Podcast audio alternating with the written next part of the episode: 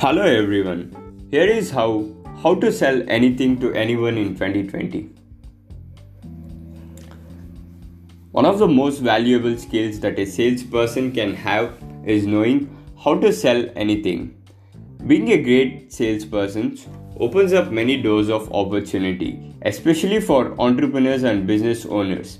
Here's why that's good news for you. You can learn a few simple techniques and you can apply it for any sales situation either it might be online or offline.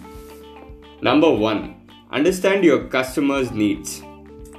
No matter what you're selling the most important part of salesmanship is understanding the needs of your customers and figure it, it out. How to meet them. Perhaps your customer has pain points that your product is able to alleviate or perhaps they have desires that is able to fulfill. Once you determine the needs of your target customer and how your product is able to meet them, centering your sales pitch around meeting those needs is the best way by so far to close a sale. Number 2, learn how to sell yourself. Whether you're cold calling or have spoken before, it's important to keep in mind that before a person is going to be willing to hand over their hard earned money to you. They've got to like your salesperson just as much as they like the product that you're selling. When you're making a sales pitch, take a little time to get to know about your customer and let them get to know you.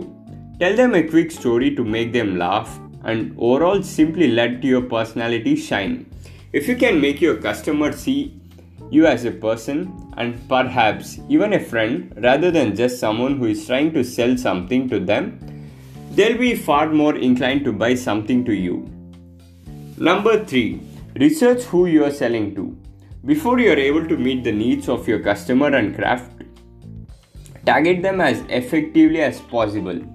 You first need to know as much as you can as a person you are selling to Sometimes increasing sales entails researching a specific client. If you're making a major sales pitch to a high profile figure within the company who you are able to research beforehand, other times when you're selling directly to the customers, researching you, who you're selling to the means figuring out the target customers for your product and analyzing their needs and desires. Either way, knowing as much as possible about who you are selling to before you ever begin your sales pitch is essential if you want the sales pitch to be as effective as possible.